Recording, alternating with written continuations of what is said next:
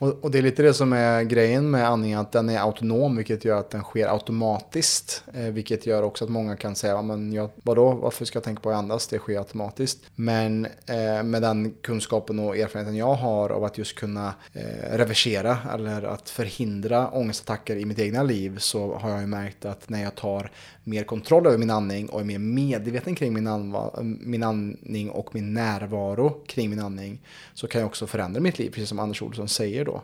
Att just om vi kan komma i kontakt med vår andning, eh, om vi ser till exempel på det eh, autonoma nervsystemet så har vi det sympatiska och det parasympatiska nervsystemet och när vi andas in så ökar vår puls och vårt blodtryck och när vi andas ut så minskar vår puls och sänks vårt blodtryck.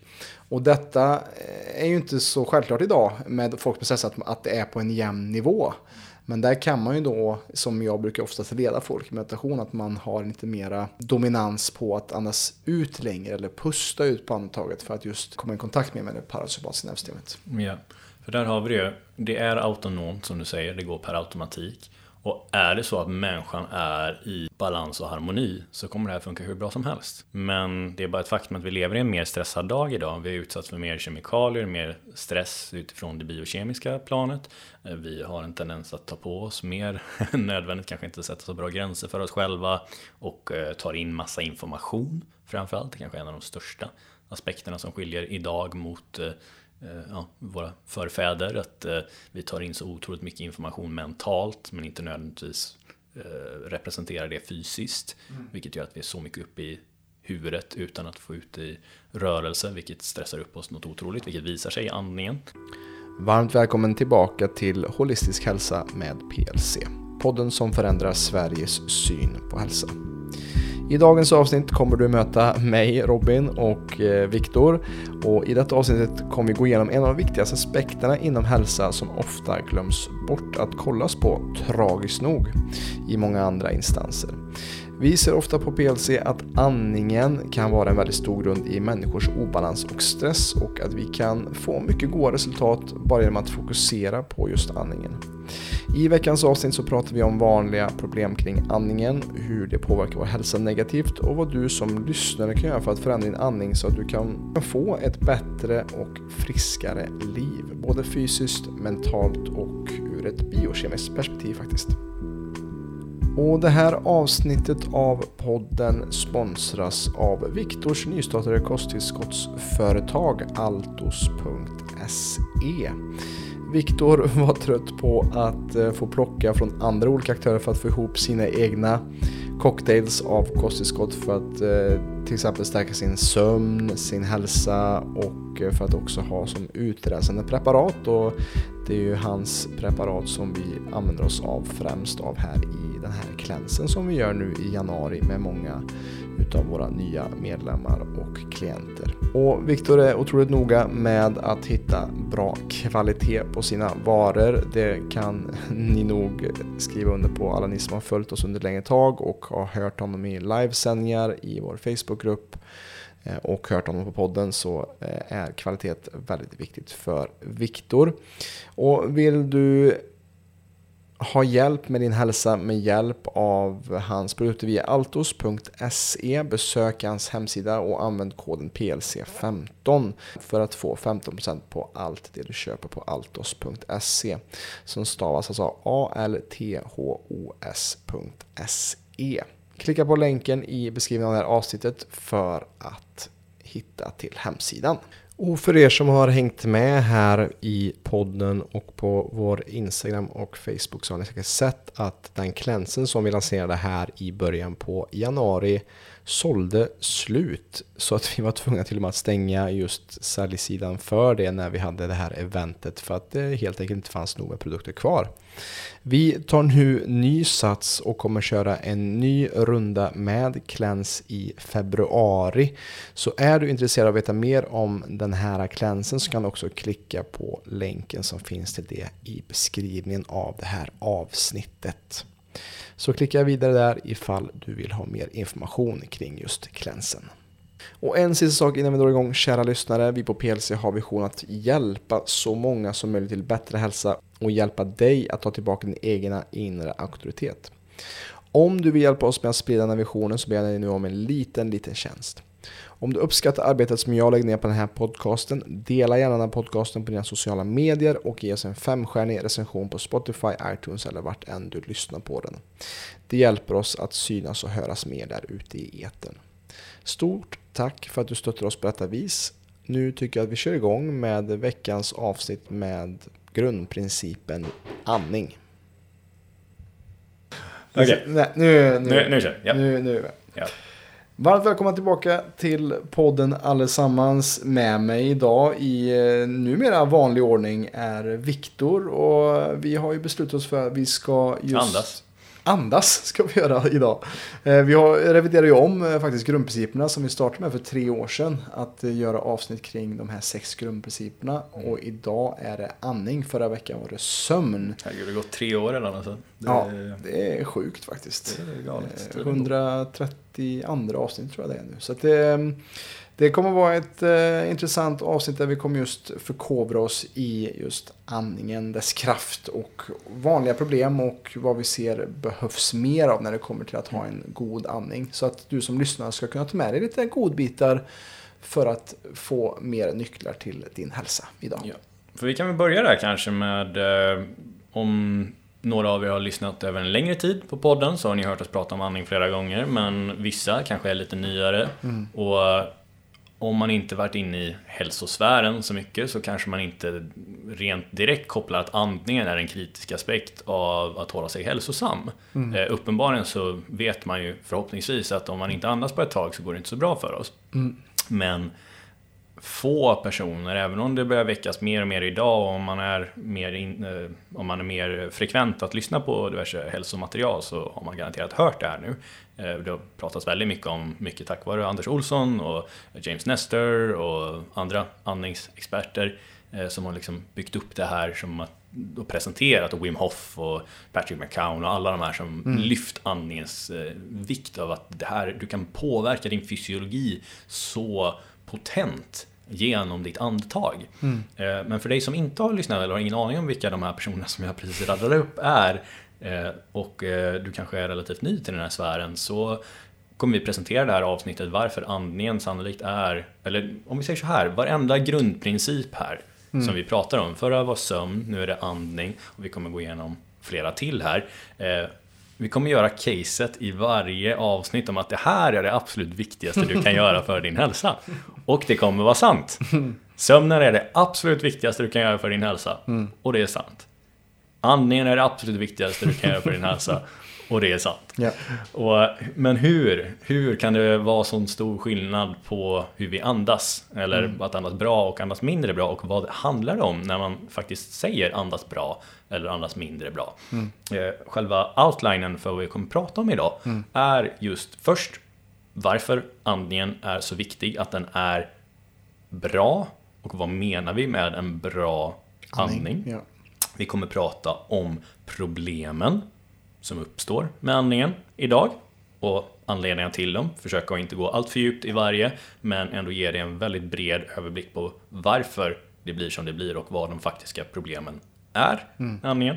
Och sen kommer vi även såklart gå in på våra lösningar.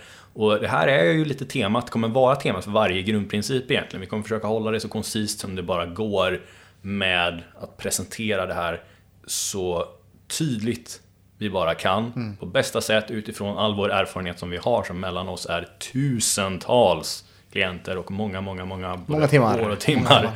Eh, Så sitt ner i båten eller ligg eller stå eller gå eller hur du nu lyssnar på den här. gör vad fan du vill. Ja, vad fan du vill.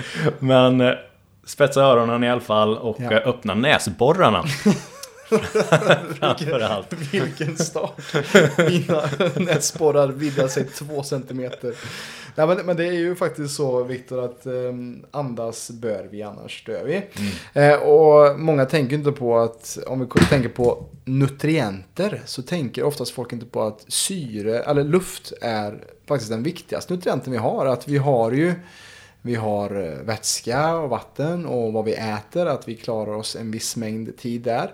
När det kommer till om vi inte har syre eller luft så är det ungefär tre minuter vi klarar oss innan det börjar bli rejäla hjärnskador. Och samma är det ju med att folk oftast inte tänker på hur många andetag vi tar på en dag. Vi tar 20 till 25 000 andetag beroende på person och ålder och så vidare. Men det är ungefär snittet där någonstans. Och tänk då om man har en liten obalans i sin andning så kan det ha väldigt stor och förödande effekt. Mm. Och på samma sätt då kan det ha en väldigt stärkande effekt om vi då lyckas få ordning på just vår andnings tempo, frekvens och hur vi andas helt enkelt. Så lite det som är tanken med dagens avsnitt. Att just ge dig, ja som sagt, nycklar och eh, vanliga problem och vanliga lösningar. Ja, väldigt bra, väldigt bra sammanfattat där Robin. Mm. Eh, och jag tänker, jag kan väl börja lite kort bara med biokemin kring våran andning. Varför det är just så att vi inte klarar oss mer än tre minuter mm. utan syre. Och det här har ju då att göra med att eh, som du säger, det är en nutrient för oss, alltså ett näringsämne. Eh, och framförallt då utifrån något som kallas för mitokondrier i kroppen. Som är cellens kraftverk, kan vi tänka. Det som producerar energi, som är kroppens eh, man ska säga, valuta för att fungera. Mm. Då behöver vi något som kallas för ATP. Och har vi det, har vi, till, har vi bra näringstillförsel till mitokondrierna så kommer vi producera då ATP, vilket håller alla celler, eller allt vi gör i vår kropp, vid liv. Och den viktigaste nutrienten då för mitokondrierna, det är syre. Och baserat på då hur mycket syre vi har att tillgå, vilket ju inte alls har att göra med nödvändigtvis hur, hur många andetag vi tar i minuten, utan det är snarare faktiskt tvärtom om vi tar eller till en viss gräns då. Men andas vi långsammare så har vi i regel mer syre att tillgå till cellerna. Sen kan det vara många anledningar då som vi får något som kallas för hypoxia, det vill säga att vi har för lite syresättning av kroppen. Och de problemen tänkte jag vi skulle prata om lite senare här. Mm. Men det centrala är att vi behöver syresätta våra celler, våra mitokondrier med just luft. Eh, och det tillsammans med vissa andra näringsämnen gör att mitokondrierna gör sitt jobb och vi skapar energi. Mm. Och det här är också anledningen då till att eh, de vanligaste symptomen vi ser på att personer har en mindre bra andning är ju framförallt trötthet. By far den största. Mm. Är du trött, ja då har du sannolikt en låg syresättning. Yeah. Nästa är att man är stressad, orolig, alltså mentalt känslomässigt stressad, orolig.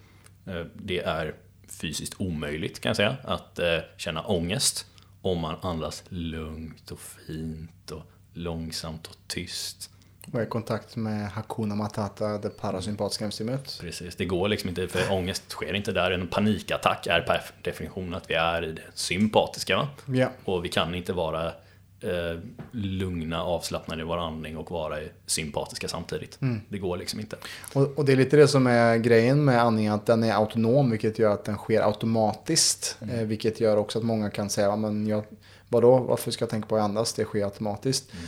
Men eh, med den kunskapen och erfarenheten jag har av att just kunna eh, reversera eller att förhindra ångestattacker i mitt egna liv så har jag ju märkt att när jag tar mer kontroll över min andning och är mer medveten kring min, min andning och min närvaro kring min andning så kan jag också förändra mitt liv, precis som Anders Olsson säger då.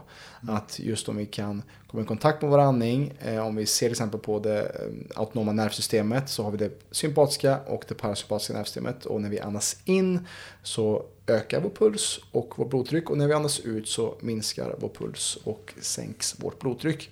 Och detta eh, är ju inte så självklart idag med folk med stress att, att det är på en jämn nivå. Mm. Men där kan man ju då, som jag brukar oftast leda folk i meditation, att man har lite mera eh, dominans på att andas ut längre eller pusta ut på andetaget för att just eh, komma i kontakt med, med det parasympatiska nervsystemet. Ja, för där har vi det. Det är autonomt som du säger, det går per automatik.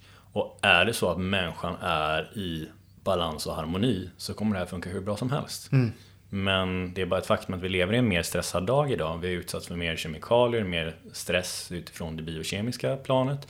Eh, vi har en tendens att ta på oss mer än nödvändigt, kanske inte sätta så bra gränser för oss själva och eh, tar in massa information framförallt. Det kanske är en av de största aspekterna som skiljer idag mot eh, ja, våra förfäder. Att vi tar in så otroligt mycket information mentalt men inte nödvändigtvis representerar det fysiskt. Mm. Vilket gör att vi är så mycket uppe i huvudet utan att få ut det i rörelse, vilket stressar upp oss något otroligt, vilket visar sig i andningen. För samma sak som om vi rör oss mycket och skulle få ett högre flås då, om man rör sig mycket i tanken, så får vi automatiskt ett högre flås på grund av det. Vilket är väldigt intressant. Men eh, precis, så den första, första symptomen på att du har mindre bra andning, det är att du är trött.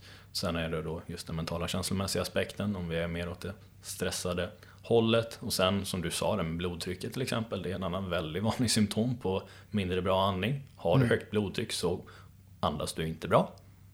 Så är det bara. För, eller hur blir det så? Rättare sagt. Eh, det, visst, det finns vissa genetiska faktorer som kan göra att man bara har ett väldigt högt blodtryck ändå. Men du kommer sänka ditt blodtryck om du från nu, säg att du, om vi bara tar ett, eh, en hypotetisk siffra här, säg att du har ett eh, andningsvärde av 100 just nu. Om du från där du är just nu saktar ner din andning, gör den långsammare, tystare och lugnare och gör det i 2-3 minuter då kommer det här andningsvärdet från 100 ha sänkts. Jag vet inte exakt hur mycket, det är från person till person, men säg att det har sänkts från 100 till 80 i blodtryck då, menar jag. Eller inte andningsvärdet, blodtrycksvärde menar jag. Eh, och det har just att göra med att det är så tätt kopplat till vårt gasutbyte, för det är det som andningen gör. Vi byter ut syre och koldioxid och massa andra biokemiska processer i kroppen. Och det är inte bara syre det handlar om utan det är ju även koldioxid som har fått ett ganska dåligt rykte senaste av, ja, av flera anledningar. Men koldioxid ska inte ha ett dåligt rykte, det ska ha ett väldigt bra rykte för koldioxid är väldigt, väldigt viktigt. Syre är ju faktiskt någonting som är bara i sig ett problem på det sättet att det bryter ner allt. Saker och ting oxiderar. Vilket innebär att det reagerar med syre. Om du slicear ett äpple i hälften så blir det brunt. Varför blir det det? Jo, för att syret oxiderar det vita här i äpplet. Mm. Varför blir inte skalet brunt? Jo, det är på grund av att det finns antioxidanter i skalet. Och det är också därför som det är viktigt för oss att ha antioxidanter så att vi motstår den här konstanta eh, slipningen som styret försöker göra. Va? Och koldioxid är en jätte, jätteviktig spelare för att vi ska kunna utilisera syre. Eh, behöver inte gå in på de biokemiska aspekterna av det för det blir för nördigt här för idag. Men jätteviktigt med koldioxid. Och eh, det är faktiskt så att eh, det här är problemet idag. Att folk är för koldioxidkänsliga. För det är det som får oss att vilja andas igen. Det är att vi bygger upp koldioxid. Så när vi håller andan så är det inte bristen på syre som får oss att vilja andas utan det är att koldioxidhalten i blodet byggs upp. Och det här är då någonting som är direkt korrelaterat med en person som har en stressad andning eller av någon anledning har problem med eh, sin, sin syresättning. Då är det alltid en aspekt av det att man är mer koldioxidkänslig vilket gör att man vill ta fler andetag och det här blir som en negativ spiral eh, som vi kommer förklara mer om om en liten stund här. Men de tre viktigaste gaserna som vi vill ha koll på här eh, det är just eh, kväve, eller det är just eh, syre, det är koldioxid och det är kväveoxid. Mm. För kväveoxid byggs upp när eh, koldioxid byggs upp och det är jätteviktigt för våra eh, för våra... Lätta muskulaturer? Ja, och, men framförallt för blodet, blodcirkulationen. Mm. Mm. För, åh, oh, vad tusan heter det? Kapillärerna? Kapillärerna, kapillärväggarna jag har ett ord som jag tappar just nu. Men mm. Eh, det är i alla fall som håller, om vi tänker insidan av, alltså om vi tänker att blodet går i en slang, blodkärlen mm. precis, och väggen där, som jag av någon anledning tappade namnet på nu.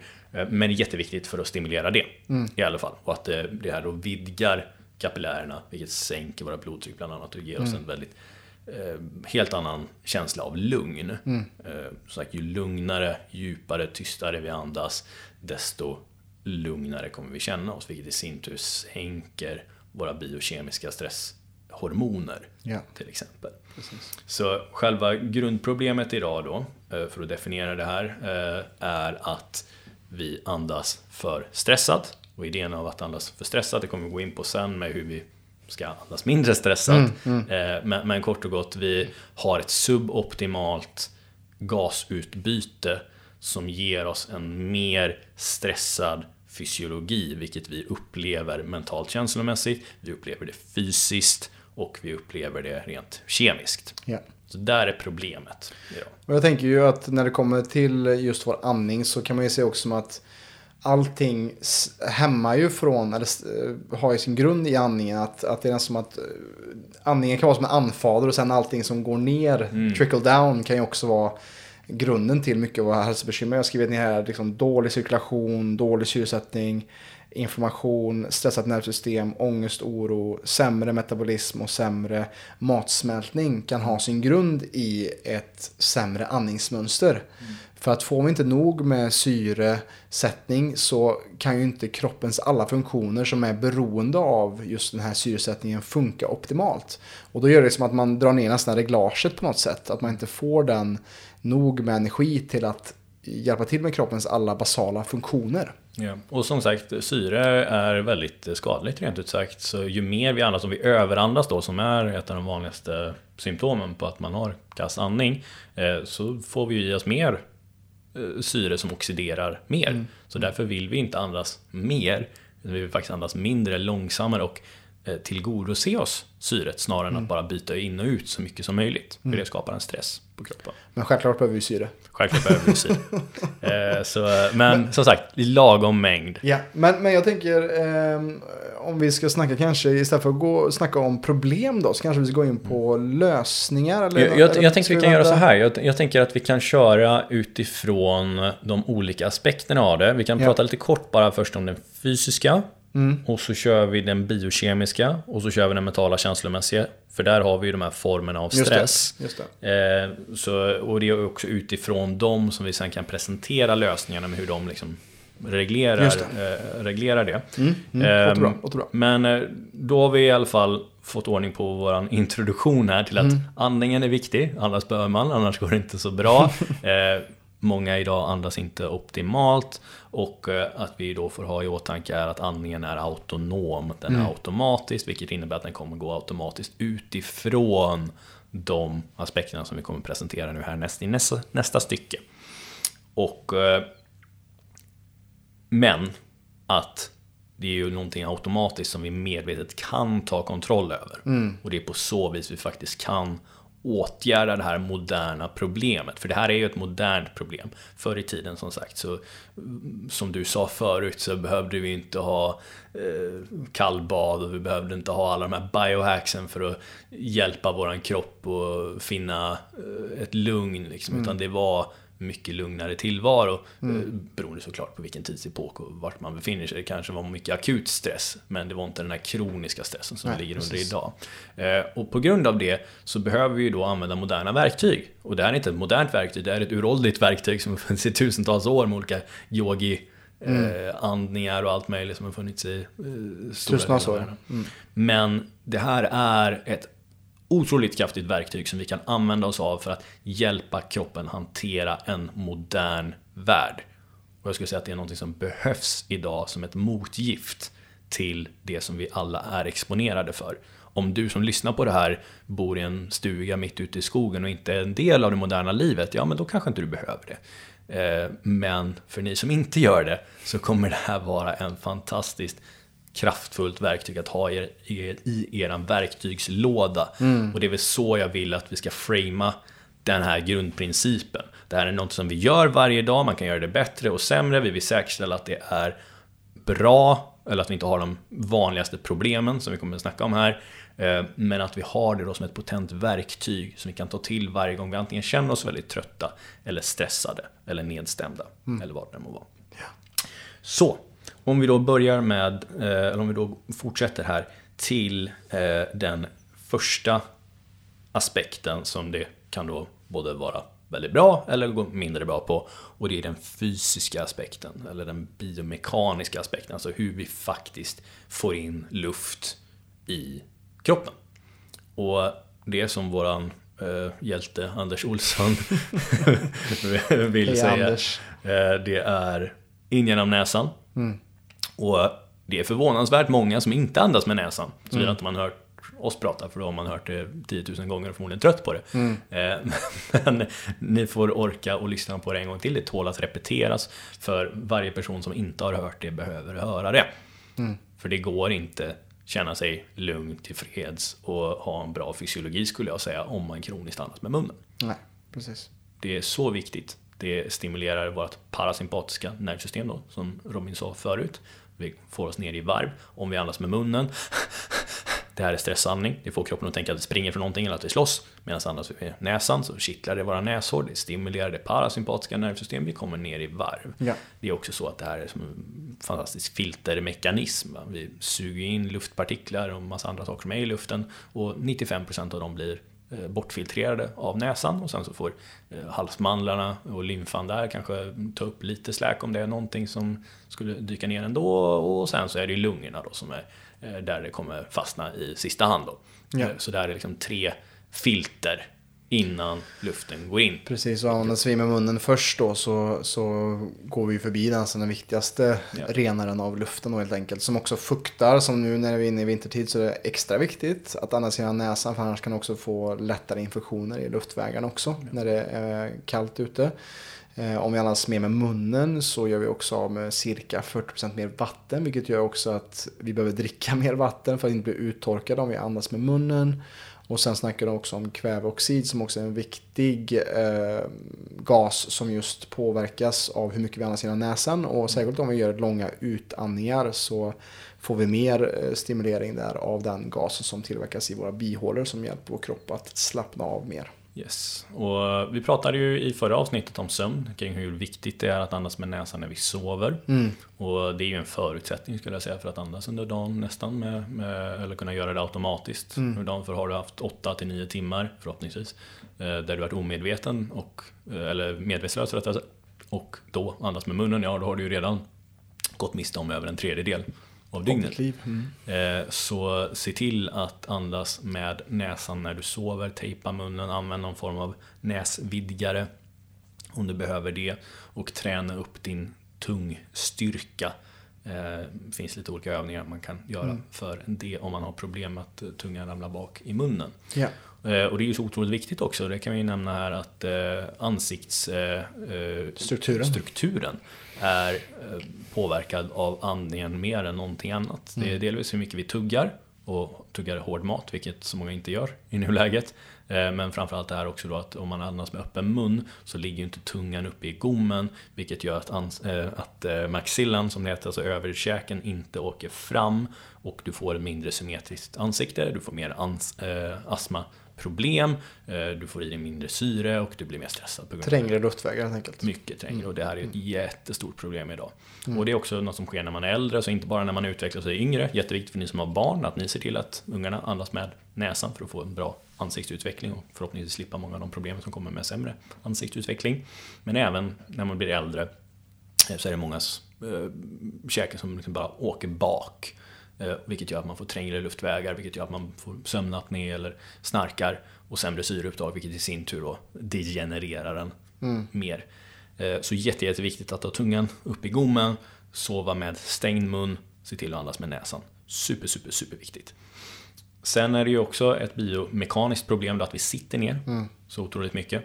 För om vi sitter ner ihopskrunkna eh, axlarna fram, huvudet fram, eh, diafragmat ihoptryckt, ja då kommer det uppenbarligen inte andas med diafragmat. Mm. Medan om vi istället kan sätta oss, eh, och ni kan göra det med mig här, ni som lyssnar, att ni hoppar fram lite på stolen om ni sitter på en stol och så rullar vi fram vårt bäcken och ser till nu att ha en rak ryggrad, vilket automatiskt kommer ske om du rullar fram ditt bäcken. Så bara känn skillnaden här. krumma med ryggen, känner hur det känns, kolla vad som händer med axlarna. Och så rullar vi fram bäcknet och känner att vi sitter på sittknölarna här. Vad händer med bröstryggen, vad händer med axlarna när vi gör så? Eller hur? Bröstet åker upp, axlarna åker bak utan att vi har gjort någonting med det, utan allt det här kommer från höften. Och nu när du sitter här, förhoppningsvis så kan det här kännas avslappnat för dig. Om det inte känns avslappnat så innebär det att du har en svag så kallad posturalmuskulatur och att du då kompenserar med andra mer ytliga muskler. Och det här är ett problem på grund av att de här musklerna de kostar mer energi. Och de är inte alls skapta för att hålla den här statiska hållningen över en längre tid. Hade du haft dina så kallade posturalmuskler aktiverade nu, då hade du kunnat sitta så här i flera timmar utan att det blir jobbigt. För de är en annan typ av muskelfibrer som klarar av eh, att vara påslagna över mycket längre tid. De är mycket mer energieffektiva, de är mer lednära, som de har bättre en hävstång. Eh, och det här då, nu när du sitter så här, förhoppningsvis så känns det inte så jobbigt. Om du känner att du behöver eh, hålla uppe dig och spänna ryggen och magen när du sitter så här, ja, då är det ett tecken på att din höftböjare inte funkar och du behöver göra vissa övningar för att få igång den. Eh, och det kan du kolla i appen om du är medlem. Är du inte medlem så borde du bli medlem. Men, eller, dyka, eller träffa någon som jobbar just med, med det här. Mm. Men detta öppnar upp din diafragma. För om vi gör så här igen då, om vi har tappat det nu, rulla fram, upp med, eller du behöver inte ens gå upp med bröstet, du märker att bröstet går upp av sig själv eh, och axlarna sänks. Nu är du helt öppen att kunna använda diafragmat ordentligt och kunna andas biomekaniskt korrekt. Vilket är ju då att vi, många hör att man ska andas med magen och ja, det stämmer.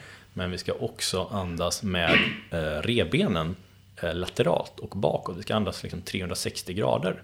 Så tänk att du nu, när du sitter i den här bra hållningen, Ta dina händer runt dina nedre revben och så vill jag att du tar ett stort andetag här nu och försöker verkligen bara pressa ut händerna så mycket det går i alla riktningar. Så ta ett andetag här nu och Känn bara vad som händer här när du andas in. Expanderar det bak i tummarna som du har bakre revbenen här nu? Expanderar det mitt i handflatan som du har på sidan? Expanderar det i fingrarna där fram som är framåt? Så ta några andetag till här. Andas ut allt. Och andas in. Och se om du med varje andetag här kan expandera lite mer åt något håll. Så ut och in. Och sitter du med den här upprätta hållningen som sagt så blir det mycket lättare att göra det. Med det sagt så är det många som fortfarande kommer vara biomekaniskt begränsade. Man känner att man liksom inte riktigt, man kan inte komma åt den. Man kan liksom inte, jag, jag, jag, hittar inte den här framsidan. Det är fast över min mage eller det är fast i mm. någon riktning med rebenen. Och det här är jättebra att du blir medveten om för här har du då en tydlig fascial eh, begränsning.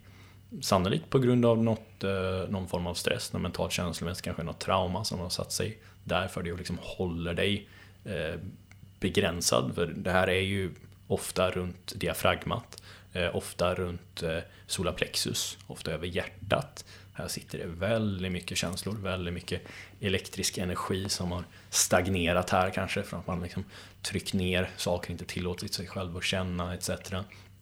Och eh, att vi kan med våran andning öppna upp det här så behöver vi vara medvetna om att det här kan få oss att eh, diverse olika tankar, känslor, trauman att komma upp till ytan. För nu öppnar upp där den lilla vrån, den mörka vrån som det satt fast i. Mm. Och det här är något otroligt kraftfullt att göra. Man kan göra det både via manuella tekniker, man kan göra det via andningen då som sagt. Men det här är jätte, jätteviktigt att åtgöra. Vet du att du har en begränsning här eh, så är det en eh, någonting som är värt att kolla på. Ja. För det här kommer kunna påverka jättemycket. För andningen är ju som en sorts brygga kan man ju säga till, till djupare förståelse i sig själv och till djupare närvaro och att bli en ökad förståelse för sig själv. Och man kan bara tänka det liksom när man blir skrämd eller när man är utsatt för någonting traumatiskt så ofta att man, man drar in andan, man andas i med genom munnen, upp i bröstkorgen och man kanske spänner sig. Och det kan ju fastna i kroppen på, på ett visst sätt eller andningsmönster. Eh, som man kanske inte är medveten om påverkar hela vårt system, både fysiskt och biokemiskt. Då. Ja. Så jag tänker, vill vi gå vidare lite in på det eller? Jag tänker vi kan, precis, vi kan ja. köra klart dem där. För mm. det, här blir en ganska bra brygga till nästa mm. brygga igen. Mm. Ja. Eh, till just den mentala känslomässiga mm. aspekten. Eh, för som ni märker, de här hänger ju ihop. Va? Mm. Du märker att det, det mentala känslomässiga traumat satt fysiskt mm. i kroppen och manifesterar sig även biokemiskt då i högre kortisolnivåer, kanske högre blodtryck eller eh, vad det må vara. Som det visar sig Precis, för att ditt, ditt nervsystem kanske är wired för, för att kolla efter stress och bli stressad mer lätt mm. av, av saker, eller triggad. Exakt, mm. och det blir ju också så då när vi av någon anledning känner någon typ av stress mm. så har vi då ett gasutbyte där med syre, koldioxid, mm. Ration och eh, kväveoxid som vi pratar om ja. där. Eh, som gör att vi är mer uppe i varv. Eh, vilket i sin tur då gör att vi känner oss mer stressade, vilket mm. i sin tur gör att vi kanske spänner oss mer. Vilket i sin tur fortsätter den här negativa spiralen då av, av mer fight and flight biokemiskt. Ehm, men precis, andningen genom näsan, som vi sa, att vi tänker på vår hållning här, eller rättare sagt, vi ska inte behöva tänka på vår hållning, det här ska ju gå automatiskt.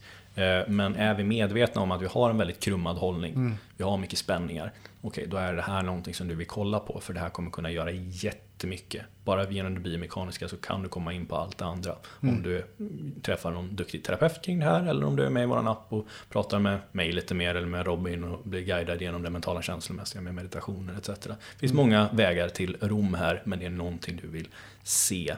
Eh, och sen är det ju såklart rörelse överlag. Vi sitter ju ner så mycket. Sitter du tillräckligt mycket så spelar det ingen roll hur bra posturalmuskulatur du har. Eh, skulle jag säga, för det kommer ändå begränsa din förmåga att eh, syresätta hela kroppen. För vi behöver röra på oss. Vi behöver transportera det här syret mm. med blodet genom att röra på oss. Och det är också ett fantastiskt sätt att syresätta kroppen genom att vi får en representation för allt det här, eller att vi får ut all den här stressen som vi bygger upp genom att vara så otroligt mycket uppe i skallen. Mm. Vilket vi är idag på grund av att vi sitter så mycket vid skärmar, att vi tar på oss mer eh, arbete kanske än vad vi borde, att vi inte är så duktiga på att sätta gränser för oss själva. Vad det må vara som gör att vi konstant är så uppe i skallen och övertänker saker. Eller att vi oroar oss över saker som inte har skett. Eller att vi gråmar oss över saker som har skett men ja, som vi fortsätter repetera hundra gånger om dagen i vårt sinne. Mm. Eh, och allt det här sker när vi är fysiskt stilla. Och det här representerar ju inte alls så som det borde vara. Det här behöver vi få ut, vi behöver röra, vi behöver uttrycka mm. det här med rörelse. Eh, så det bästa sättet att eh, tänka kring ergonomi och kring eh, just biomekaniken här, det är att ta regelbundna pauser, ha regelbundet saker som tvingar dig att ändra på positionen. Så sitt inte för bekvämt. And your best position is your next position, mm. som jag brukar säga. Mm. Och eh, ta regelbundna pauser, ta regelbundna andningspauser så att du får uttryck för fulla lungkapacitet här. Eh, öka lungkapaciteten ibland, eller rättare sagt eh, ta ut det lite mer ibland så att man liksom behöver andas mer. Men för det mesta så behöver de allra flesta sänka tempot och det kommer vi komma till här alldeles strax med varför det är så otroligt viktigt. Och yeah. rent biomekaniskt kanske en av de viktigaste sakerna att fokusera på. Mm. Eh, men där har vi biomekaniken, det mentala och känslomässiga. Jag tycker nästan vi har pratat om tillräckligt här nu. Ja, vi kommer ta upp det förslagsvis i ett kommande avsnitt just mer kring, kring de bitarna också. Hur gå ett mer designerat avsnitt till det helt enkelt. Ja, och jag tror det räcker väl idag att vi benämner här hur, eller att vi båda anser andningen som den främsta bryggan här. Mm. Återigen till att komma i kontakt med djupet av sig själv. Precis. Mm.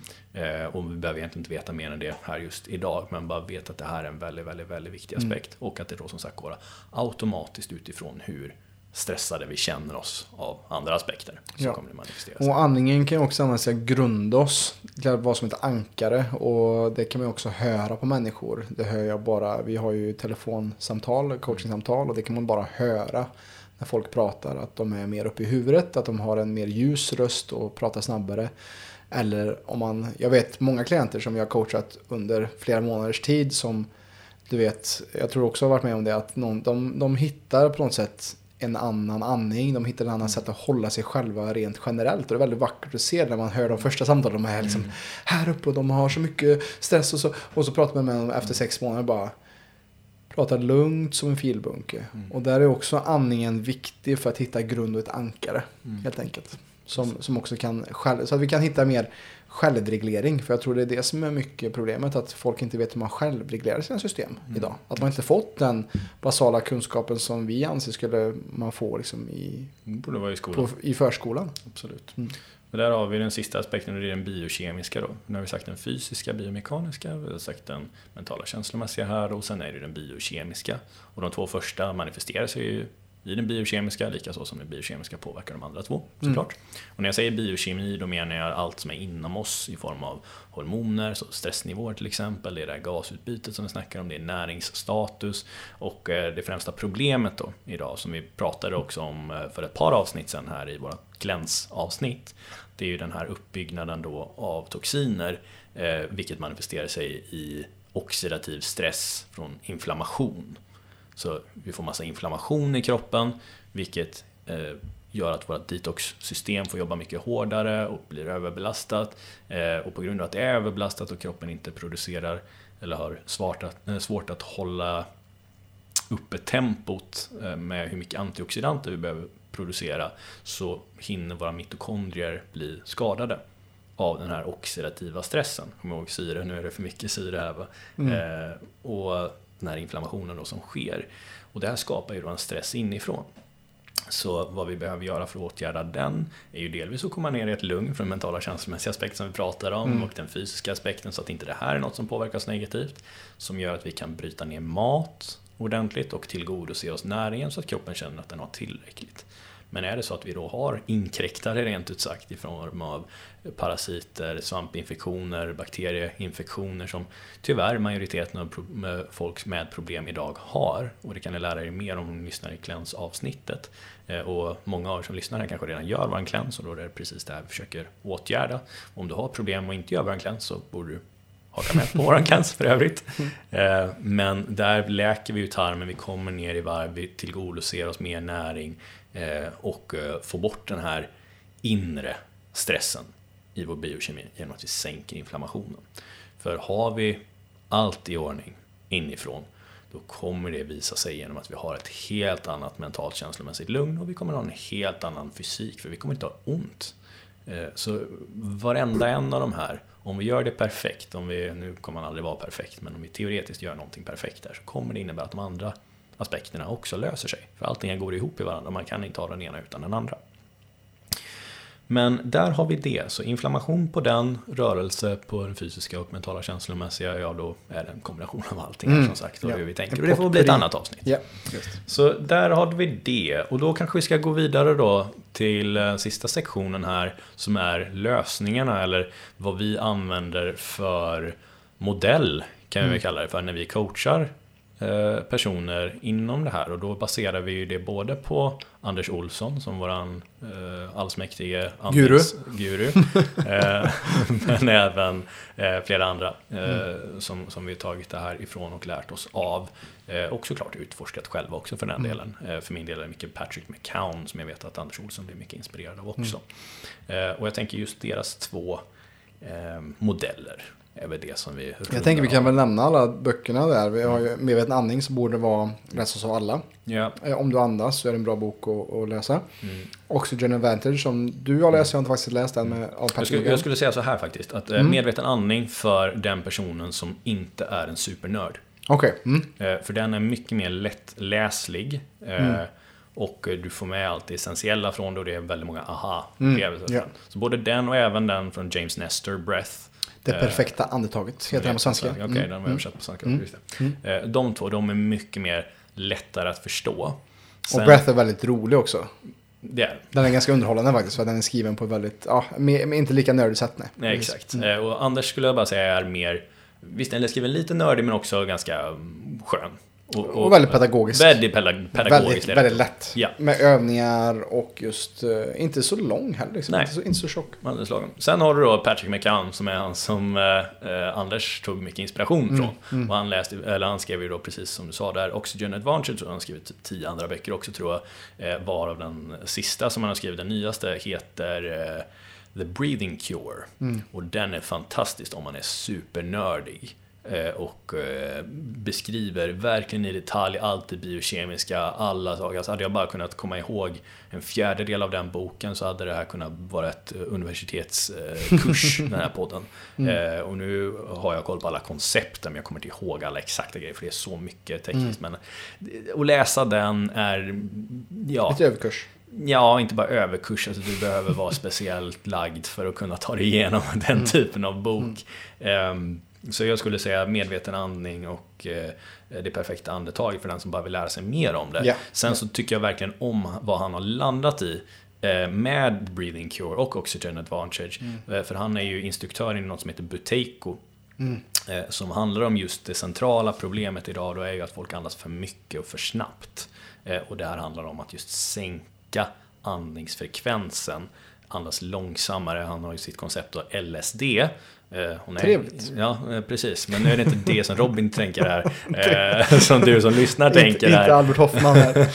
Utan LSD står då för Light, Slow and Deep. Det vill säga lätt, långsamt och djupt. Mm. Ehm, och det här har ju då att göra med hur han karaktäriserar ett bra andetag. Att det ska vara lätt, det vill säga att det inte ska vara tungt. För där, vi kan ju ta det direkt med Anders Olssons principer då. Eh, som är att eh, det ska vara genom näsan. näsan, det ska vara långsamt, det ska vara tyst, det ska vara djupt och det ska vara rytmiskt. och i magen? Eh, ja, djup menar, menar han med det tror jag. Mm. Djup mage, mm, sam, mm, samma mm, sak. Mm, mm. så näsan har vi redan pratat om varför det är så viktigt. Långsamt då, det är ju både med i LSD och i det här. Det är mm. S i LSD och det är ja, långsamt på svenska. Mm.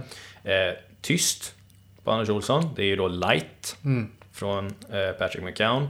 Eh, deep, ja det är ju då uppenbarligen djupt. Mm. Eh, och det var ju också i magen som du visar här är mera det tredimensionella. Yes. Och har du inte lyssnat på avsnittet med Lotte Pårup på, i podden här ehm, för ett par månader sedan så är det jättebra där vi snackar en hel timme när det oss i just den tredimensionella andningen. För många snackar om magandning men det är inte riktigt fulla sanningen utan det som vi gjorde här, det du instruerade är ju mer det man vill eftersträva. För magen är en förenkling kanske, helt enkelt. Ja. Och sen är det ju så att många har problem att andas med diafragman på det här sättet på grund av den mentala känslomässiga aspekten mm. som vi mm. pratar om. För det sitter i diafragma. Man mm. brukar säga att det här är eh, bland annat en, eh, ja, majoriteten av känslor vi känner, sorg till exempel, ja. sätter sig ju här. Och som du demonstrerat tidigare flera gånger är just när, när man kommer det här djupa, åh! Annie, mm. eller du kan väl ta det en gång till? Ja, alltså jag brukar, jag brukar snacka om någonting som jag tycker är intressant när man snackar om meditation och så. Eller varför jag ofta så startar meditation med att ta tre djupa andetag när man andas in, håller lite på andetaget, ner i magen och sen så pustar man ut med ett uh, eller man släpper ner käkarna, man andas ut genom munnen, man pustar, man stönar. Vi har så mycket spänningar i både käkar, axlar, nacke och höfter. Men just med andningen då, med en utandning så brukar jag säga det O-breath. För vi har tre, vad gör vi? Det finns tre saker som vi gör det här andetaget på. Det är när vi är mätta, då man bara Åh, och man kan lägga sig ner och bara ta, ta lugnt. Ja, vi, vi har, vad är nästa? Nu, nu kommer jag om lite här. Men vi har ju när vi är trötta. Då. Och hur låter vi Viktor Karlsson när vi når klimax med vår partner? Jo, då låter vi. Där fick vi höra det i dina öron. Mm. Eh, varsågod. Tack. men, det, men det är liksom det här, the O-breath, alltså det här, just det här, uh, det mm. förlösande andetaget som kan också mm. väldigt skönt, alltså när vi sitter på toa också, för mm. också. alltså det här långa utandningen där vi också gör ett ljud. Kan vara väldigt, och jag som börjat jobba mer och mer med just ljudterapi märker också just effekten av att just humma, mm. att använda det just. Eh, det jag syftade på förut var just det du snackade om kring skratt och eh, gråt. Precis, precis. Ja, och det var, vi har gjort en omtagning här så det var faktiskt i förra, förra avsnittet som inte kommer sändas. Men precis, alltså det finns en förlösande känsla eh, när man har ett djupt, verkligen djupt rotat magskratt så man får mm. ont i magen. Mm. Precis som vi har när vi också gråter. Vad händer? Vi skakar. Vi... Mm. Eller... och det kan vara väldigt viktigt mm att tillåta oss de känslorna så att vi kan släppa. Mm. För att någonting sker, vi krackelerar. Det är nästan som att vi, vi, vi bryter upp ett mönster i oss när vi mm. gråter. Eller när vi, det är någonting som sker efter. Det, det kommer ett så här, ett, eh, alltså en form av eufori eller en så här lugn. Det här Lugnet är, efter stormen på något det, sätt. Det här är ju sätt som vi som människor kan vara självreglerande. Självläkande, mm, självreglerande brukar vi säga att en människa som är i harmoni är. Ja. Eh, och det här är ju sätt som en femåring skulle självreglera. Om mm. den känner upplevt något trauma. Mm. Mm. Men vad gör vi idag? Vi bara, nu vill jag skrika och gråta men när vi trycker ner det i magen så brukar det fastna där precis runt diafragmat. Ja, och det här... Särskilt när du är svensk. Särskilt när du är svensk. Men som vi ser många andra kulturer, det är något som har skett. Bara skriker, får mm. ut ur kroppen mm. Mm. och sen tillåter sig själv att känna det. Men här, mm. nej, vi ska inte visa, inte trycka på så ner, ner, ner! Där! Mm. Och så mm. stänger vi låset och så... Allt är bra. Så, allt är bra, ja. Allt är bra. Och så fastnar det i halsen och det fastnar i diafragmat. Och även i andra aspekter av kroppen och det är ju, den, eh, det är ju så det fysiska planet, det biomekaniska planet eh, mm. binder in sig med det mentala känslomässiga och det är också därför som du som en duktig terapeut, om du är som lyssnar här jobbar med kroppen eller om du som lyssnar går till en terapeut som jobbar med kroppen, en duktig sådan terapeut vet att det kommer alltid, alltid, alltid, alltid, alltid finnas en stor mental känslomässig aspekt mm. vid fysiska problem. Mm. Och likaså vid mentala känslomässiga problem så brukar det alltid finnas en fysisk korrelation. Precis. Eh, jag jobbade för, um, det var lite innan jul här så det är typ en månad sedan nu. Eller eh, nej det är inte alls, det är tre veckor sedan. Två, tre veckor sedan. Ja, strunt samma. Där någonstans. Eh, hade jag en klient. Och fysiskt. Då. Och hon har många, många mentalt känslomässigt eller energiproblem. Eh, men också väldigt många fysiska problem, till exempel fibromyalgi och alla sådana här eh, verk, kroniska verkdiagnoser. Mm. Alltid, alltid framförallt vi kvinnor har alltid en stor mental känslomässig komponent. Mm. För henne var det just en specifik muskel, i det här fallet var det en piriformis muskel som sitter i, bak i sätet kan vi tänka. och där, när jag gick in där fysiskt, så fick hon en, en release. release, en emotionell mm. release. Och det var för att det satt där, det kom intuitivt för mig, för jag jobbar väldigt intuitivt.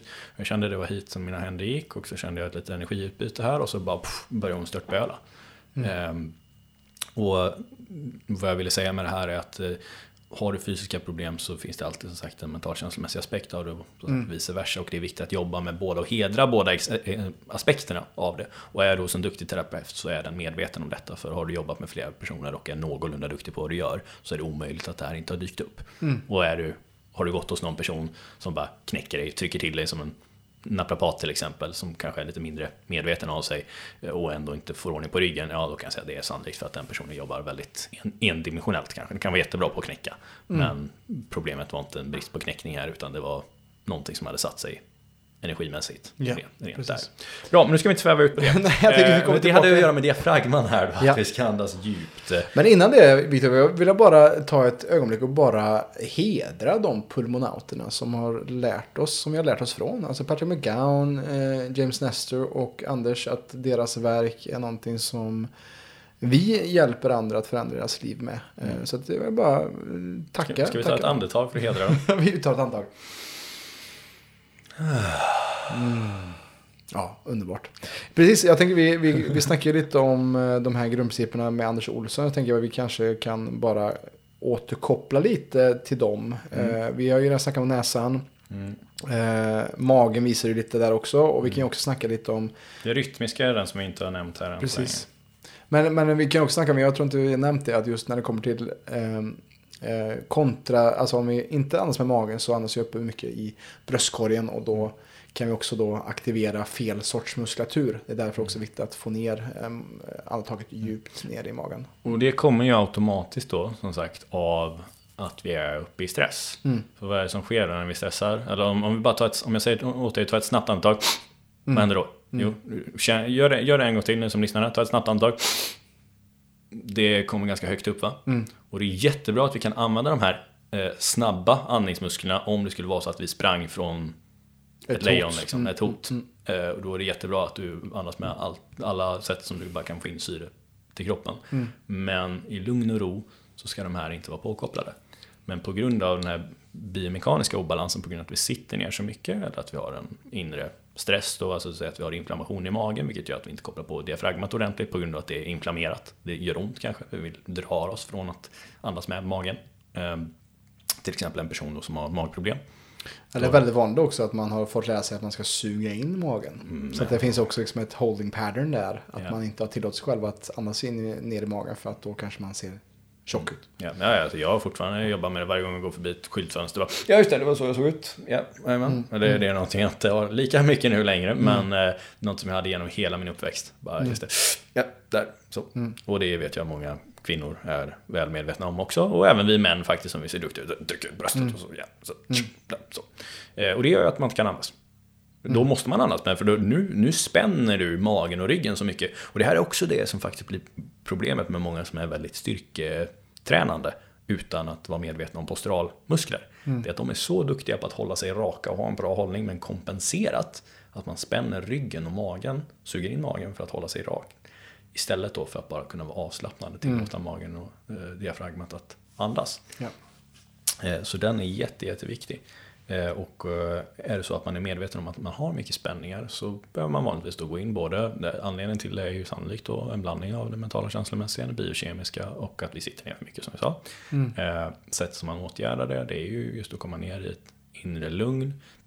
Men även att man kan då behöva lite fysisk touch, alltså man kan behöva releasa vissa triggerpunkter Precis. till exempel. Och andas djupare. Och man kan ju bara tänka det att om du inte andas, alltså man kan tänka att varje andetag kan ju bli som en inre sorts visceral massage om ja. du andas på rätt sätt för din matsmältning och hjälpa tarmarna att jobba på rätt sätt. Mm. Och är vi då uppe i övre delen av lungorna och bröstkorgen så får vi inte den naturliga eh, just inre massagen utav kroppen och eh, den naturliga stimulering som vi behöver. Ja, och det här är så otroligt viktigt för allt vårt flöde då, som vi pratar om blodcirkulationen, blodflödet för mm. blodtryck, men även för lymfflödet, där är vår inre pump för att liksom eh, få runt, eh, så att avloppet liksom inte är eh, stagnerat. Mm.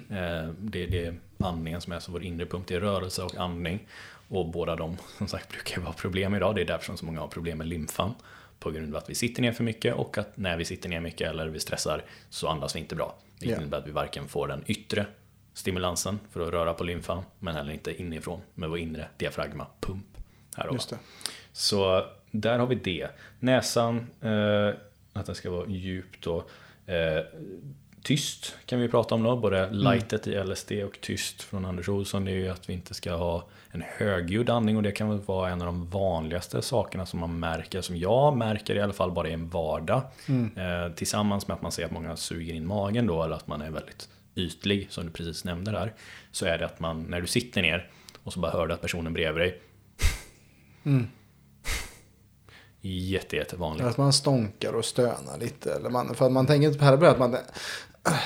Det är också ett andetag. Mm. Jajamän. Sen kan det, det är ju ofta ett sätt för nervsystemet att försöka självreglera. Mm. Eh, jag vill uppmärksamma framförallt den här tyngre andningen, alltså som en person som bara allmänt andas tungt. Mm. Många här känner säkert igen sig, din partner kanske, när du sitter i soffan så hör du själva andetaget. Mm. Eh, och det är ett tecken på att någonting i dennes fysiologi är påfrestad. Mm. För vi ska inte höra våran andning. Gör vi det så är det per definition att vi andas tungt.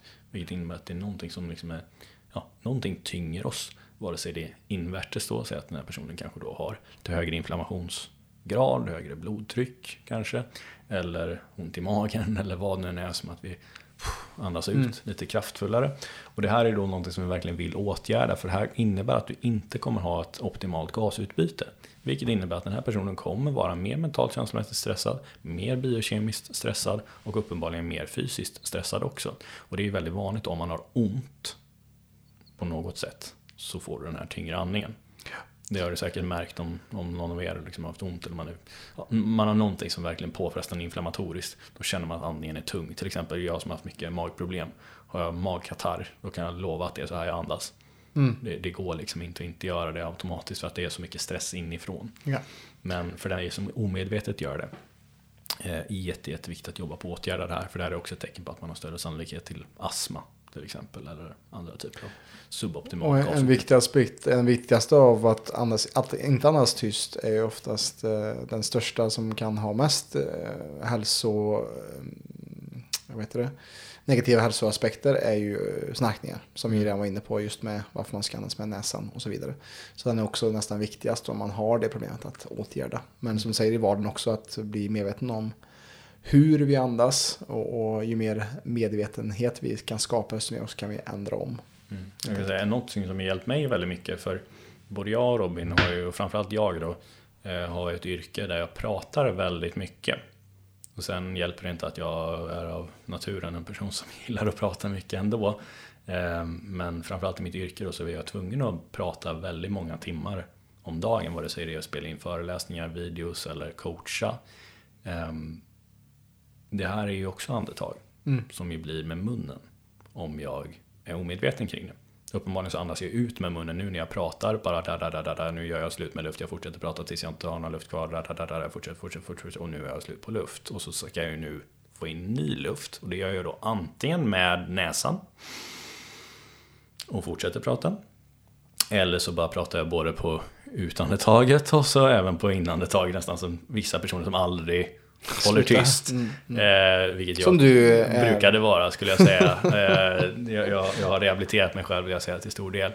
Men Work in progress. Work in progress. eh, men det är något som verkligen har hjälpt mig och jag tror också det märks ganska tydligt att, eh, som jag gjorde nu, jag pausar istället för att prata, prata, prata och, så, och fortsätta prata, prata, prata. Alltså att jag andas in med munnen här, som är väldigt vanligt. Jag gjorde det väldigt mycket förr, men nu har jag blivit så pass medveten. Och faktiskt Anders som tipsade mig om det. För jag frågade mm. honom just om hur ska jag tänka som pratar så himla mycket. Han sa, nej men tänk att när du andas, eller hur andas du när du pratar? Bara, Ja, just det. Och så och fortsätter prata. Mm. Men att man liksom stänger munnen mellan själva eh, meningarna. Mm. Tillåter sig själv att andas in och sen fortsätter att prata. Det gör sån stor skillnad och eh, den som lyssnar här som också pratar väldigt mycket. Ha det i åtanke. Det hjälper otroligt mycket om när man väl blir medveten. Och, och där tänker jag också att många tänker att jag måste prata snabbt så att folk så hinner med allting eller så att jag liksom får mig förstådd. Men ofta ska jag säga att ju långsammare vi pratar och så desto djupare röst vi har desto mer blir vi förstådda och ju mindre ord behöver vi använda för att övertyga någon om vår ståndpunkt. För att det inte kommer från en stressad punkt eller någon som står med ögonen vidöppna och så bara så här är det, lalalala. Mm. Så att jag tror att man sparar mycket sin egna energi eh, och kraft genom att just, som du säger, jobba på att hur vi andas och hur vi pratar när vi andas när vi pratar. Absolut. Mm. Eh, sen har vi då rytmiskt, eller rytmiken i andningen. Mm. Du benämnde det väl lite förut där tror jag, med att vi kan manipulera det utifrån vad vi vill åstadkomma. Mm. Eh, en optimal rytm brukar man säga är 6-6. Det vill säga att vi andas in 6 och andas ut 6. Mm. Har jag för mig. Något i den stilen. Nu är det... Det beror lite olika. Vissa har ju olika andningsfrekvens såklart. Mm. Men det, det ska jag säga en bra, eh, bra ratio. Men jag tror att det... Jag tror man brukar säga det i alla fall. Men jag vill minnas att eh, James Nestor, eller alla av de här skrev det på något sätt i sin bok. Eller mm. sin, sin specifika andningsbok då. Men att till exempel när man gör olika eh, vad heter det, salmer mm. eller eh, chants eller hummande. Sjunger, ja. eh, så har man anpassat eh, i tusentals år just efter den här rytmen som mm. var typ sex in och sex ut. Mm. Så att det går automatiskt utifrån de här bönerna. Ja, tänker man bara rent matematiskt så är ju 5-5 då är det ju sex andetag per minut. Mm. Och det är ju, då är man ju nere på en ganska låg eh, liksom genomsnittlig andning. Eh, och det kommer verkligen ha stor. väldigt bra stor... För, för vad som kanske är snittet är nog kanske snarare kanske två eller tre på in och utandning. Liksom. Mm. För att man ligger på 12 till 15, 20 andetag per dag. Så, eller per, per minut. Ja, jag skulle säga att det är ganska sällan, om du mår, om du har problem mm. så är det väldigt sannolikt att eh, du har andetag långt över 14 Mm, per ja, minut. Ja, alltså på en, jag tror de säger på en intensiv vårdavdelning så är snittet 20 andetag, mm. om inte mer, per minut. Eh, och för en genomsnitts ohälsosam person så är det någonstans mellan jag tror det är över 16 i alla fall, men 16, över 16, över, över 18 kanske det var till och med. Mm. Eh, för en väldigt hälsosam individ eh, så är det enligt eh, Anders, vad han säger, 8 till 12. 8 till 12 är ungefär ja. den rangen som han snackar om. Och, mm. Men när det kommer till rytm så är det också det här att ehm, att man andas också en jämn stilström. Det är inte alltid mm. bara sekunderna utan också att vi inte har, för att oftast när vi kanske eh, koncentrera oss, eller skriva ett mail eller någonting, eller man gör någonting som är lite jobbigt. Vad gör man då? Man kanske eh, lägger sig i någon konstig ställning och så håller man andan. Mm. Och kollar man på en skärm så blir man ju faktiskt hypnotiserad och glömmer av att andas. Ja, det, så kan det också vara. Och, och rent krasst då vad det som sker när vi liksom håller andan? Jo, då är det ju att vi signalerar kroppen att vi inte får nog med syre, vilket gör att vi sätter igång eh, vår fight and flight, eller vårt stress, eh, vårt sympatiska nervsystem. Med, medveten, an, eh, medveten eh, medvetna breath holds mm. är jättebra för att mm. öka upp kroppens koldioxidtolerans. Mm, mm. men omedvetna Eh, uppehåll eh, leder ju till det här stresspåslaget. Exakt, så därför är det viktigt att ha en rytmisk då, eh, ja, approach till att andas och tänka på att alltså där är det också mer närvaro och mer medvetenhet. Och det i stort och i det stora hela när det kommer till andningen så är det det som är liksom den stora. Ju mer medvetna och närvarande vi blir med oss själva i allt, inte bara andningen, desto bättre kan vi också ta bättre beslut kring vår hälsa och må bättre. Ja, och det är precis det som vi har sagt här, att eh, det är en brygga Mm, till allt annat. precis. Och eh, det är väl det som vi vill lämna er med här idag. Skulle jag säga att eh, det här är ett så otroligt potent verktyg som du vill ha i din verktygslåda. Och för att summera här igen. Vi har den biomekaniska aspekten som vi vill kika på. Vi har den biokemiska aspekten och vi har den mentala känslomässiga. Det är de som kommer påverka hur du andas autonomt. Sen kan vi medvetet påverka det här och få en direkt påverkan på alla de tre som vi raddar upp. Eh, Och sättet eller modellen som vi föreslår att man uppmärksammar det här genom är just eh, Anders Olssons genom näsan, långsamt, tyst, djupt, rytmiskt. Eller Patrick McCowns där light, slow and deep. Så Ja. summa summarum, vi vill andas lätt, långsamt och med diafragmat. Då. Ner i magen och med diafragman, ja Ja, precis. den tredje andningen Tredimensionellt. som vi Ja, pratar om. precis. Och allt som gör att du inte gör det, där har du bryggan till Mm. eh, nästa nivå för din hälsa. Precis. Bra. Jag, jag tänker inte jag behöver fylla på så mycket mer där utan eh, riktigt bra. Vi har ju nämnt böcker.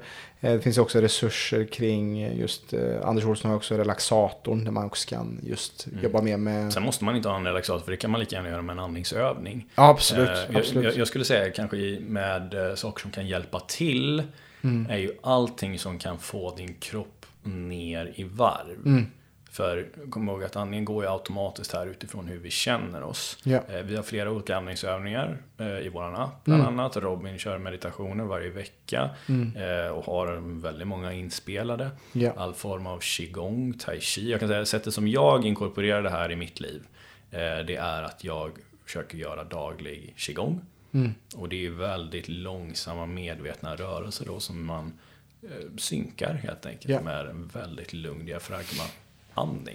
Eh, det här plus tid spenderad utomhus. Det, okej, det är några grejer till jag vill säga här innan vi är klara.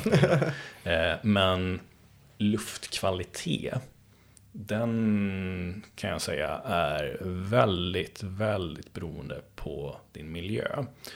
Och framför allt hur mycket tid du spenderar utomhus. För du kan vara i en relativt förorenad miljö, men är du utomhus så är sannolikt luftkvaliteten fortfarande bättre än vad den är inomhus. Ja. Nu när det är, när vi spelar in det här avsnittet så är det 20 grader minus ute. Och då skulle jag inte nödvändigtvis ge tipset om att hålla ett fönster öppet. Men annars vill du alltid ha fönstren öppna såvida inte det gör att elpriserna då sticker så att du får andra mentala känslomässiga problem på grund av din ekonomi. Men luftkvalitet är jätte, jätteviktig. Man kan vilja ha en luftrenare inomhus, någonting med ett HEPA-filter. En väldigt bra idé. Viktigt att hålla det rent och snyggt hemma. Att vi inte använder massa kemikalier när vi rengör. Som du använder såpa och diskmedel och skura golven och eh, vad det nu än är du använder för att liksom hålla ditt hem rent. Om det här köpes i en livsmedelsbutik så är det sannolikt inte optimalt. Utan det här vill du handla på hälsokost eller beställa särskilda grejer. Eller göra saker själv. Ättika är väldigt bra. Bland annat. Mm. Äppelcidervinäger och- eller vitvinsvinäger. Citron. citron och eh, diverse andra saker som man kan använda som är jätte och bikarbonat och sånt där. Eh, De här sakerna är inte skadliga för oss medan många av de här andra eh, produkterna tyvärr har saker som är i låg dos men väldigt mycket saker i låg dos blir helt plötsligt hög dos. Och eh, som sagt eh, luftkvaliteten inomhus är inte lika bra som utomhus. Det finns inga träd här inne. Du kan ha plantor, det kan öka din, eh, din luftkvalitet inomhus och du vill ha så mycket växtlighet det bara går. Eh, se till att inte köpa för mycket nya möbler utan att vara medveten om vad för material det är. För en ny matta utgasar ja, en jäkla massa toxiner sina första år. Ehm, väldigt viktigt att vara medveten om det, så köp helst begagnat när det kommer till sådana saker. Eller se till att det är lite mer medvetna butiker som du handlar ifrån. Och se till att komma ut varje dag och ju mer desto bättre. För syrekvaliteten utomhus är tack vare naturen väldigt mycket bättre, eller någonting som verkligen stöttar oss till skillnad från inomhus. Ja. Det är bara ett faktum. Så se till att komma ut. Det är så otroligt viktigt och det var tur att jag kom på det här för det här är en sån central del av det. Gör vi inte det så du kommer inte må bra Mm. om du inte lever ett liv eh, som har en stor del utomhus Ja, med sig. Så den aspekten vill jag inte förglömma. Och sen då när det kommer till andra hjälpmedel eh, så skulle jag säga allt då som sagt som lugnar kroppen. Mm. Eh, det finns vissa tillskott som kan hjälpas, till exempel magnesium är väldigt lugnande för kroppen. Så har man magnesiumbrist, för det här är också för övrigt någonting då om vi kommer tillbaka till mitokondriehälsan, så syre är en av de viktigaste aspekterna för det. Något annat som är väldigt viktigt då det är magnesium. Så har vi inte tillräckligt med magnesium så kan inte mitokondrierna göra sin grej ordentligt. Eh, Likaså med något som heter Q10, koenzym Q10. Också väldigt viktig. Eh, och framförallt magnesium då är också väldigt lugnande för vårt nervsystem. Om vi saknar det så kommer vi vara mer stressade. Och är vi mer Mm. stressade, ja då andas vi mer stressat. Så allt som kan få oss ner i varv, som sagt personligen är min favorit magnesium och eh, ehm, även hampaolja.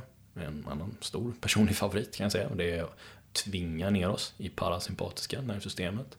Ehm, personer med ADD eller ADHD till exempel, eller barn med ADD och ADHD. Väldigt bra för dem att ta hampaolja, även om det här inte är något som Livsmedelsverket nödvändigtvis rekommenderar eller går ut med, eller det kommer de aldrig göra för att det här löser för många problem. Eh, Så att eh, andra inte kan tjäna pengar med mediciner, tänker jag. Eh, eller, alleg- allegedly. Eh, Men hampaolja är så potent att tvinga Mm. ner oss i det parasympatiska. Så det är väldigt bra för det. Det är väldigt bra för folk som är överstressade och för folk som har väldigt mycket inflammation. Så det kan man ta till. Så magnesium och eh, hampaolja skulle jag säga är mina två favoriter. Eh, Sen då några andra saker som vi har som ger oss ett större lugn. Någonting som vi gjorde nyss det är att man sitter i en bastu. Mm. Eh, Så värme och kyla.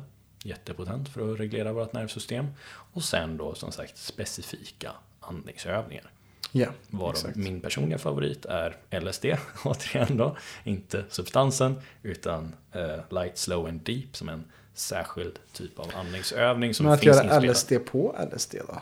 Ja, det skulle nog också påverka andningen märkbart. Det är ganska skönt. Det, kan man, det får man utforska på eget bevåg, Ja. om man så vill. Eh, Men det skulle jag säga är de konkreta aspekterna eh, som jag vill benämna i slutet här. Och just det, och sista här då. Eh, Det biomekaniska. Har du problem med det biomekaniska så se till att träffa någon som är duktig på att jobba med det här. En duktig terapeut. Yes. Det gör sån stor skillnad att ha någon som kan till och med fysiskt lära dig att andas så basalt eller se vart är du begränsad. Så träffar jag en person fysiskt här eh, så gör jag alltid ett andningstest på dem. Eh, I flera olika, delvis så bara kollar jag på dem först när de inte vet att jag testar dem. Sen så gör jag det medvetet, ser kan de faktiskt fysiskt göra det här. Och så ser jag väldigt snabbt vart de har sina begränsningar. Och då går jag ju dit för att jobba på att liksom låsa upp det här. Eh, För rent biomekaniskt så har ju kroppen vissa hierarkier. Andningen går alltid högst upp där. Kan vi inte andas så kommer kroppen göra alla typer av kompensationer för att kunna andas. Så det kan Ja. vara att du har kroniskt ont i nacken på grund av att du inte andas ordentligt. För att kroppen försöker hitta en position där du får in bättre syre. Mm. Så träffa en duktig fysisk terapeut eh, för att jobba med din biomekanik om du vet att du har lite fysiska besvär. Bra! Ja, där fick ni kära lyssnare åtta minuter extra av Viktor Karlsson när jag pratade om relaxatorn. Och jag tycker fortfarande att relaxatorn är en bra verktyg eh, att kunna använda ifall man vill eh, ha hjälp med att just eh, ha någonting som påminner er att just andningsträna. Men med det Viktor så tycker jag vi rundar av Mm. för idag. Och tackar för den här tiden att ni har valt att viga er tid med oss här idag. Andas lugnt och har det här inspirerat och gett dig mer information, mer nycklar till din hälsa och du kanske vill dela detta till någon nära och kär. För all del gör det så att vi med stadig Och rask takt. kan förändra Sveriges syn på hälsa. Yes, men eh, tack för idag kära lyssnare så hörs vi i nästa avsnitt kring nästa grundprincip. Allt väl. Tack för idag. Stort tack för att du har lyssnat på veckans avsnitt av Holistisk hälsa med PLC. Är du mer intresserad av vad vi jobbar med för att hjälpa dig att återfå bättre hälsa, besök vår hemsida www.plclub.se för att hitta mer information kring detta. Är du intresserad av att veta mer om klänsen så följ bara länken i beskrivningen av det här avsnittet så kan du läsa mer om den. Tills nästa vecka så önskar jag dig en eh, helt enkelt eh, god fortsättning på det här nya året och ta hand om dig riktigt väl nu så hörs vi snart igen.